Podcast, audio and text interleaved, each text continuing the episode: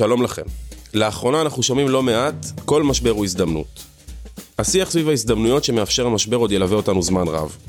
זו תקופה שבה מדינות רבות מפרסמות תוכניות לשיקום הכלכלה, לוות כסף, מוציאות טריליוני דולרים ומנסות לייצר אופק חדש לאזרחיהן.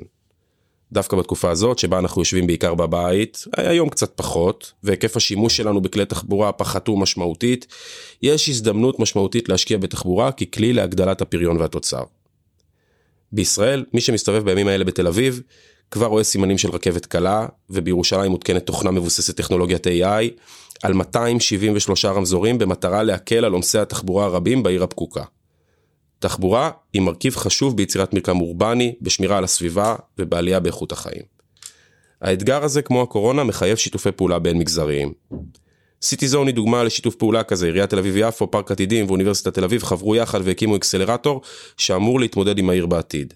ננסה היום להבין באמצעותם לאן מתפתחת התחבורה וכמו תמיד נבדוק מה ההיבטים המשפטיים שאמורים לעניין כל יזם שיש בידיו פתרון שיציל אותנו מהפקקים.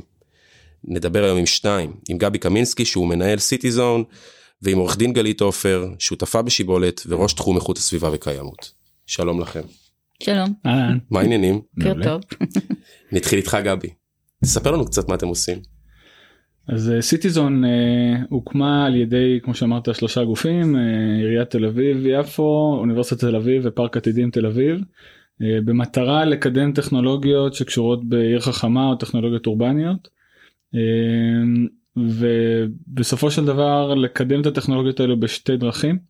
אחת זה שדה ניסוי עירוני בעצם פארק עתידים תל אביב הוא כמו עיר קטנה אה, מין אה, אזור או מתחם שיש בו בניינים בגבהים שונים אה, רחובות מדרכות אספלט ביוב תאורת רחוב חשמל יש שם כעשרת אלפים איש שמסתובבים שם כל יום כמה אלפי מכוניות יש טרמינל אוטובוסים בכניסה ותחנת דלק ועמדות של טלופן ושל אוטוטל וקורקינטים יש חניון עם תחנות טעינה של רכב חשמלי יש בית חולים בתוך הפארק יש אה, מסעדות בתי קפה פעוטון אה, מכולת מספרה רופאי שיניים.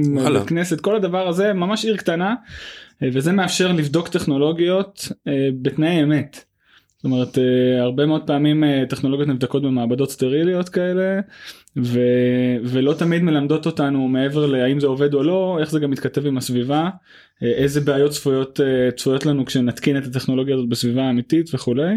אז הרצון הוא לבדוק טכנולוגיות בסביבה אמיתית עירונית עם תרחישים אמיתיים ולכן פארק עתידים מאפשר לעשות את זה בקלות. הדבר, התפקיד השני שלנו הוא בעצם לנהל תוכנית חדשנות פתוחה אה, קראת לזה אקסלרטור זה לא בדיוק אקסלרטור זה תוכנית של סטארט-אפים שבמסגרתה אנחנו מפרסמים קולות קוראים אה, על בסיס אתגרים עירוניים שאנחנו מפצחים קודם יחד עם אה, כל הגורמים המקצועיים בעירייה בכל תחום שהוא קהילה רווחה תחבורה איכות סביבה סייבר תשתיות וכן הלאה ואנחנו מזמינים סטארט-אפים להצטרף לתוכנית שלנו אפשר יהיה לפרט עליה אחר כך אם תרצו. אני רוצה אבל קודם לדבר עם גלית על האתגרים שעומדים בפני אנשים שמגיעים לתוכנית שלכם. מעולה. זה האתגרים המשפטיים יותר נכון או הדברים שהיזמים שמגיעים לתוכנית של סיטיזון צריכים לדעת. אולי אנחנו צריכים לקחת את זה שני צעדים אחורה. את, אה, את, אה, it's for you to call.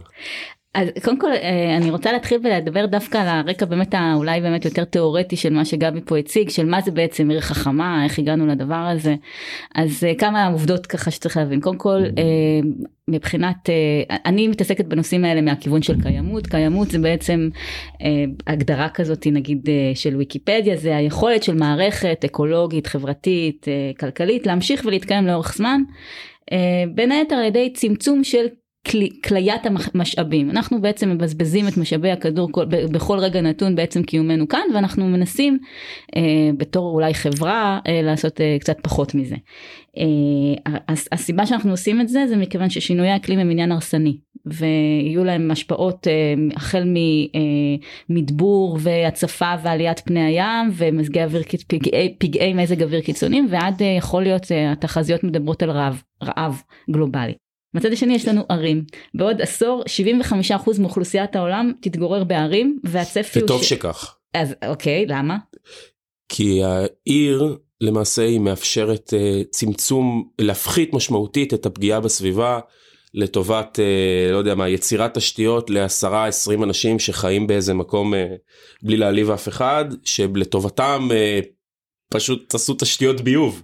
ניצול השטח הוא יעיל יותר אבל זה לא אומר שזה טוב ולחלוטין כן. שרוב אוכלוסיות אבל זה העולם- נכון בגדול שקודם כל קודם כל נתחיל מזה שזאת עובדה שהעולם הולך ונהיה יותר אה, מאויר מאויר בעין אורבני והתהליך הזה רק ילך ויגבר ויותר מזה אפילו אה, מה שעוד קורה זה שגרים במגה ערים מגה ערים זה מה שנחשב עשרה מיליון תושבים ומעלה תחשבו על טוקיו אה, בתור דוגמה אה, אז הדבר הזה שקורה זה שהעיר הופכת להיות אה, המוקד הפעילות האנושית ובאותה נשימה צריך להגיד היא גם הופכת להיות פגיעה יותר לפגעי אקלים ולפגעי סביבה וכולי. אז למשל דבר שאני לא יודעת אם כולם יודעים אבל יש הרבה מאוד ערים וזה לא רק אה, בנגלדש, בבנגלדש שפשוט אה, נמצאות קרוב לקו הים והמים ועומדות ומועדות בפני הצפה אה, גם סן פרנסיסקו לצורך העניין וגם ניו יורק וכנראה שגם תל אביב נמצאת באיזשהו סוג של סכנה ולכן אנחנו מסתובבים בעיר ורואים כל מיני כאלה שלטים של אם צונאמי אז תדעו לאן בורחים זה לא סתם אה, נמצא שם. אה, אז מה שקורה זה שהרשות המקומית וזה נורא נחמד שגבי באמת מתארת אה, מהצד של השטח היא, היא הופכת להיות הגוף השלטוני הנכון לבצע שינויים באורחות החיים. לא מצד- רק ב- לא רק פה, את אומרת בכל העולם. באופן, באופן בסיסי הגוף המוסד הזה של רשות מקומית נגיד בניגוד לרשות אה, שלטונית אה, של שלטון מרכזי וגם בניגוד לעולם העסקים או יותר מאשר עולם עסקים היא הגוף שיש לו מספיק לצורך העניין כוח שלטוני לעשות דברים היא מספיק לצורך העניין גבוהה בהיררכיה בשביל לתכלל פתרונות ומצד שני היא מספיק נמוכה בהיררכיה בקרבה שלה לשטח לאנשים לכן ערים עומדות בחזית המאבק בשינויי אקלים. אז זה דיברתי מאוד בכללי על הדבר הזה. עוד מילה אחת כן על הקטע של מה זה עיר חכמה ולמה היא נולדה, כיוון שעצם ההגדרה של עיר חכמה כמו שגבי אמר יכולה מאוד להתמקד בצד הטכנולוגי של הטמעת טכנולוגיות, איך אנחנו משפרים את החיים ואת המתן שירותים בתשתיות באופן כללי, אבל יש עוד דרך להסתכל על זה גם בהקשר של אה, תוכן של עיר חכמה היא גם עיר שעובדת על איזשהו סוג של הרי לעשות את החיים יותר קלים זה לא ערך זה אמצעי. אנחנו רוצים כן לבדוק איזה ערכים נכנסים פה בתוך הדבר הזה ואז הערכים שאנחנו יכולים להכניס לערים חכמות זה קיימות התמודדות עם פגעי אקלים הגנה על הסביבה שיתוף ציבור דמוקרטיזציה שבטח אתה תגיד תכף נדבר על זה. כן. על ה-. אני רוצה רגע, ל- גלית הזכירה בקטנה, אה, שזה זה בקטנה בגדולה, הרבה מאוד, אתם בפועל מנהלים שיתופי פעולה בין גורמים, גם גורמי מחקר, גורמים פרטיים, גורמים ציבוריים, ואתם מביאים את כולם לאותו שולחן. נכון. זה לא מייצר הרבה בעיות ואינטרסים שמתנגשים בין הגורמים? בסוף, אה, לפעמים כן התפקיד שלנו באמת לעזור אה, לפרק את המוקשים האלה. אז תספר לי איך זה קורה בפועל. אז אוקיי אז בואו נתחיל באמת מקצת יותר פרטים של איך אנחנו עובדים וזה יכול לעזור לכולנו אז, באמת קודם כל כמו שגלית אה, הסבירה עיר חכמה זה באמת לא רק הטכנולוגיה. אמנם המנדט של העיסוק שלנו בסיטיזון ספציפית הוא טכנולוגיה אנחנו לא קובעים מדיניות ולא שום דבר כזה אנחנו נותנים את האינפוט הטכנולוגי וברור לנו שזה לא ממצה את מה שזה עיר חכמה.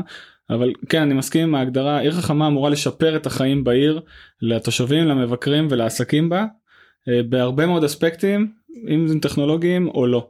אה, ואני שמח להגיד שכל הערכים המוספים שדיברת עליהם בין אם זה בעולמות של קיימות או שיתוף ציבור ועירוב אה, תושבים במה שקורה מסביבם ויצירה של קהילתיות אלה גם דברים שאנחנו עוסקים בהם אצלנו ויש טכנולוגיות רלוונטיות גם לעולמות התוכן האלה. תן לי דוגמה. אה, אז אצלנו יש סטארט-אפ נוכל לשוחח עליו עוד מעט נקרא רייזיט הוא מפתח פלטפורמה לשיתוף ציבור שמאפשר לעירייה להתייעץ עם הציבור לקראת קבלת החלטות בנושאים שונים. לאסוף מהם תובנות ולשקלל את התובנות האלה בקבלת ההחלטות האלה שזה. מדהים בעיניי. אה, והוא כבר עובד עם העירייה הוא סיים את התוכנית שלנו והתקשר הוא ספק של העירייה היום הבוגר הראשון שלנו לצורך העניין אה, וזה פשוט נפלא. אה, בתחום הקיימות אנחנו היום כמו שאמרתי קודם אנחנו עובדים על פי אתגרים שאנחנו מקבלים מהגורמים המקצועיים בעירייה אז הרשות לאיכות הסביבה הביאה שני אתגרים לפתחה של סיטיזון ששניהם קשורים בנושא של איכות סביבה הראשון הוא העיסוק בצמצום הפסולת להטמנה. עיריית תל אביב עשתה מהלכים מאוד משמעותיים בשנים האחרונות והצליחה לצמצם אה, מבערך 80 ומשהו אחוז של פסולת שהלכה להטמנה בעבר. היום אנחנו באזור ה-62 אחוז. אה, ורוצים לצמצם את זה עוד ומחפשים עוד דרכים אולי במקור הפרדה נכונה יותר של פסולת מחזור יצירת אנרגיה מזבל בתוך הבית לא יודע כל מיני דברים שאולי יכולים אה, לצוף ולבוא אלינו. זה עולם תוכן אחד.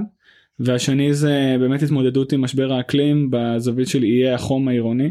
יש מחקר אה, מאוד משמעותי שעשו עם אוניברסיטת קולומביה בשכונת שפירא בתל אביב שבאו ומיפו את התופעה הזאת כאן עם מדידה ברזולוציה מאוד גבוהה של הפרשי טמפרטורות אפילו ליד מגלשה בגן משחקים ועל המגלשה ולהבין וואו. את ההפרשים ממש ברמה הזאת.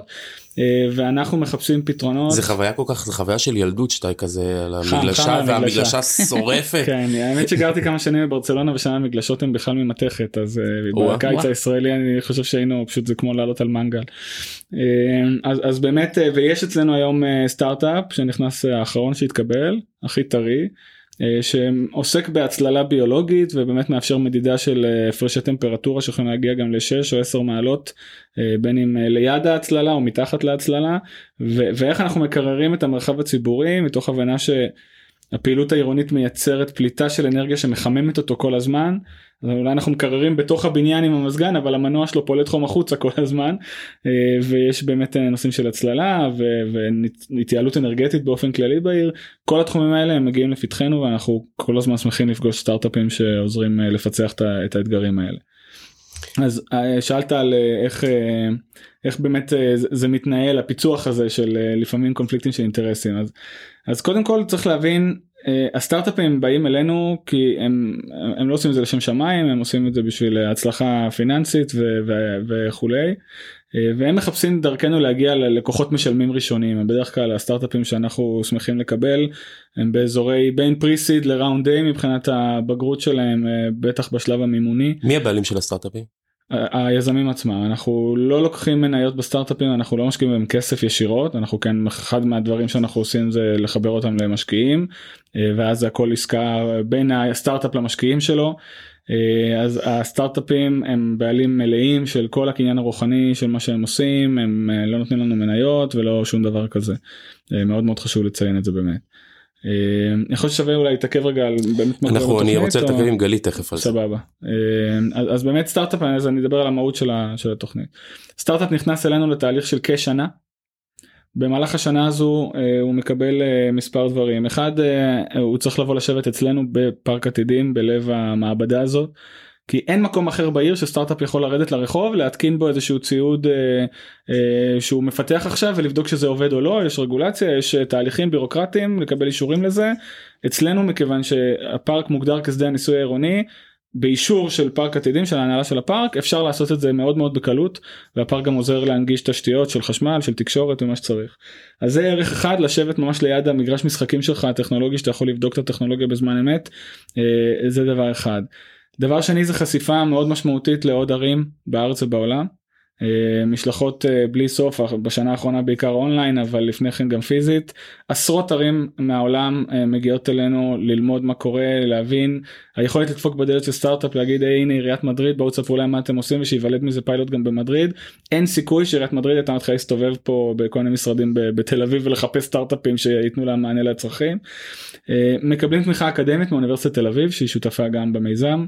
זאת אומרת שכל סטארט-אפ שצריך עכשיו להישען על עזרה ממעבדת מחקר כזאת או אחרת חוקרים מובילים מתמחים בכל מיני תחומים. יש לו קארט בלאנש מאוניברסיטת תל אביב להגיע. קארט בלאנש אנחנו יודעים לחבר למקומות הנכונים בכל זאת יש איזה ארגון מאוד מבוזר האוניברסיטה כן. אז למצוא ולהבין איך אפשר לייצר את החיבור המתאים וגורמים לזה לקרות אבל אולי הדבר הכי משמעותי שמקבלים זה באמת את עיריית תל אביב כ design partner. כן. כל סטארט-אפ נכנס לתהליך שמהותו סדרה של פיילוטים מתחילים מהדגמות טכנולוגיות בשדה הניסוי שלנו ואז לאט לאט אה, בהדרגה מרחיבים את זה לעוד מקומות בעיר כדי לבדוק אה, עוד אה, עוד דברים שרלוונטיים. ואז בסוף התהליך שאמור לקחת בערך שנה אם כולם מרוצים מהתהליך הסטארט-אפ קיבל פידבק מלקוח אמיתי שעזר לו להבשיל את המוצר לפי צרכים ודרישות של עירייה העירייה משחקת עם זה קצת להבין אם זה עוזר לפתור את האתגר שלשמו בכלל התכנסנו.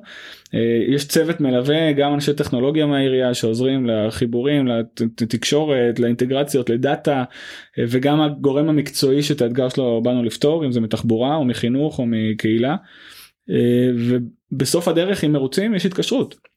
והעירייה הופכת להיות אחד הלקוחות המשלמים הראשונים של הסטארט-אפ שזה שזה מדהים. קודם כל בא לי להגיד שבאמת אה, זה נהדר שעיריית תל אביב לוקחת אה, חלק בדבר הזה, זה לא מפתיע, אני עשיתי סתם כזה search כזה לפני השיחה על smart cities around the world ואחד, באתר של הפורום האקונומי, the world economic forum שיש בו המון מידע, אז יש כתבה על איך startup nation, סליחה, איך תל אביב היא בדיוק העיר המובילה בתחום הזה ושכולם יכולות ללמוד ממנה בשנת 2018 הכתבה יצאה. ב-World Economic Forum? באמת? כן, כן, כי תל אביב, תל אביב שלנו. תל אביב שלנו נחשבת אחת המובילות. היא גם זכתה בפרס הערך החמה בעולם בשנת 2014. אז זהו, אז כן. בתקופה ההיא עכשיו כבר יש יותר, אבל נכון. הייתה אחת הראשונות ו... ועשתה את הדיגיטל למשל מאוד מזמן וכולי. אז כן, יש, יש פה שותף שהוא באמת השותף המתאים, אבל ישר עולות השאלות. אה, שתמיד באות בהקשר של אה, רשות אה, מקומית. שאלה מספר אחת זה על הקשר בין השלטון המקומי לשלטון המרכזי, שזה מתח שתמיד קיים, איזה סמכויות כן נותנים, איזה לא. עכשיו למשל בתחום של תחבורה, שזה תחום שמראש, כבר, כבר יש פה את, ה, את הקונפליקט הזה, כל רשות יכולה לקבוע את התמרור שלה ואת הנתיבים אצלה בשטח, אבל, אבל תחבורה היא מטבעה דבר שמחבר בין רשויות שונות, ואנחנו לא יכולים לקבל החלטות פרטיות. או לפחות אה, רמת האוטונומיה או המנדט שיש לרשות מקומית לקבל החלטות היא מוגבלת בגלל שתחשבו על האוטובוס שיוצא מפתח תקווה ומגיע לבת ים ובדרך עובר בתל אביב אז בכל מקום תהיה בו אה, אה, אה, מדיניות אחרת של, של, אה, של נתיבים. לא לשכוח את הפוליטיקה שמתערבת מאחורי זה. יש פוליטיקה, יש יחסים בין רשויות מקומיות ומי רוצה ככה וכולי זה דבר אחד. דבר ש... ואנחנו באמת ויש מתח תמידי אבל בהקשר של ערים חכמות אולי הוא מקבל אפילו עוד יותר מקום מכיוון שחלק מהעניין של עיר חכמה זה גם אה, אה, חלק מהעניין של עיר חכמה זה גם אה, לתת אה, יותר מקום לאוטונומיה של הרשות המקומית, לקבוע כל מיני דברים וגם לתת לציבור שלה את הכוח, כמו שאתה אמרת קודם, להכניס הליכים של דמוקרטיזציה ובעצם לשאול את הציבור כל מיני, את התושבים מה הם רוצים. Uh, הדבר השני שישר עולה זה פערים של אי שוויון כי יש ערים חזקות וערים חלשות יש רשויות שנתמכות uh, כלכלית ויש רשויות עצמאיות. עכשיו הדוגמה שאני יכולה לתת לכם שהיא הכי ככה יכולה לעלות וישר להסביר את הכל בנייה ירוקה. בנייה ירוקה זה דבר ש... גם עובד נכון מבחינת אה, התייעלות אנרגטית, אתה דיברת על אה, הקשרים של הצללה, אז כמובן שכל הדברים האלה קיימים בבנייה אה, ירוקה, אתה דיברת על עמדות טעינה של רכבים חשמליים, אז תחשבו על כך שבבנייה ירוקה יכול להיות שיחייבו מראש הקמה של עמדות, תשתית שמתאימה לעמדות טעינה, פאנלים סולאריים על גגות של בתים משותפים, בנייה ירוקה זה דבר בגדול טוב, הוא גם חוסך כסף, הוא גם חוסך אנרגיה, אבל הוא דורש השקעה ראשונית. אה, בשנת 2020 התקבלה החלטה של המועצה הארצית לתכנון ובנייה שמנובמבר 2021 כל הארץ תהיה חייבת, יהיה תקן מחייב בנייה ירוקה בכל בנייה חדשה בישראל למגורים, למשרדים וכולי. עכשיו למה לא עשו את זה קודם? אז התשובה היא שעשו את זה קודם. יש את אה, פורום ה-15 שזה 15 הערים החזקות בישראל אז הן כבר החליטו ב-2015 נדמה לי או 16 החליטו שכך אה, שהתקן של הבנייה הירוקה מחייב. אז תחשבו שבמשך כך וכך שנים יש פער מאוד גדול בין ערים שנבנו בהם משנת 2015 בתים ובניינים ומשרדים לפי תקן מסוים ויש ערים שבהם זה פשוט לא קיים. אז חוסר השוויון הזה מעלה שאלות גם של אתיקה וגם של משפט, גם של ערך כלכלי ובעצם משמרים בזה איזשהו סוג של אולי פערים כלכליים בין ערים חזקות לחלשות. ואנחנו לא רוצים ברמה של צדק חלוקתי שרק ערים אה, עשירות יהיו ערים חכמות. אני יכולה אה, לדבר עוד רבות על הנושא כן, של חוסר השוויון. אני אשמח להתייחס לזה דווקא כי זה, יש דוגמאות יפות אצלנו בסיטיזון של דווקא שיתוף פעולה עם עוד רשויות בארץ ולא רק החזקות. אה, ברור שבנושאים תחבורתיים שמשפיעים ישירות על תל אביב אני חושב שברור לכל בר דעת שיש הצדקה כנראה לאיזושהי רשות מטרופולינית לתחבורה כמו שנהוג בהרבה מקומות בעולם שהרבה עיריות עם אה, גרעין מטרופוליני אחד אז, אז יש מנגנון קבלת החלטות שהוא, שהוא עצמאי יחסית. שזה אגב כמו שיש איגוד ערים לאיכות סביבה נכון, ולביוב. נכון אז צריך להיות כזה שהוא... גם לתחבורה. כן. Eh, אבל מעבר לזה אה, יש גם דברים שאנחנו מנסים לעזור ברמה הלאומית גם קצת ציונות בכל זאת אה, גם לעזור לסטארט-אפים שלנו אה, למצוא עוד לקוחות מעבר לתל אביב אגב לא כל הערים בעולם יהיו כמו תל אביב דווקא חלק מהן יהיו הרבה יותר דומות ל... לא יודע לדימונה אולי מבחינת הנגישות של היזם עכשיו לבכירים בעירייה שבתל אביב נורא קשה להגיע אליהם ואולי במקומות קטנים יותר קצת יותר קל אז דווקא ללמוד על תהליכי מכירה שונים ממה שיהיה בתל אביב זה גם ערך אבל הערך העיקרי באמת זה לעזור לרשויות גם אחרות. אחרות ואנחנו בקשרים בדיוק עכשיו אנחנו באיזשהו שיח עם משרד, עם משרד הפנים ודרכו עם רשויות uh, uh, של ערים מעורבות שספגו מהלומה בתקופת המהומות uh, האחרונה אז דווקא נושאים של ביטחון ציבורי וכולי איזה דברים יש לנו להציע להם כדי שהם יוכלו עכשיו להתארגן על עצמם ולחזור לשגרה אם זה חיבור לנאות חובב. אה, בנושאים אה, רלוונטיים אז אנחנו כל הזמן גם בעצמנו מחפשים פרואקטיבית עוד רשויות. מה זה נאות חובב? נאות חובב זה המועצה התעשייתית של ה... אה חשבתי רמת חובב. אה, מה שפעם היה עם השפכים ו...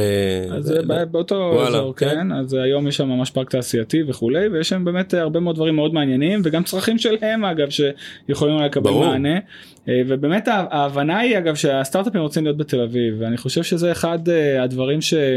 שעולים כי באות אלינו הרבה רשויות מקומיות אחרות ואומרות אנחנו רוצים גם סיטיזון כזה משלנו.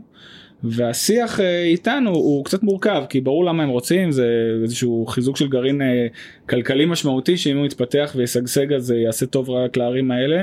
אבל צריך להבין אה, שהדבר הזה צריך לקרות כי הוא יש סיכוי אה, אה, לייצר המשכיות אורגנית של הדבר הזה. למה הכוונה?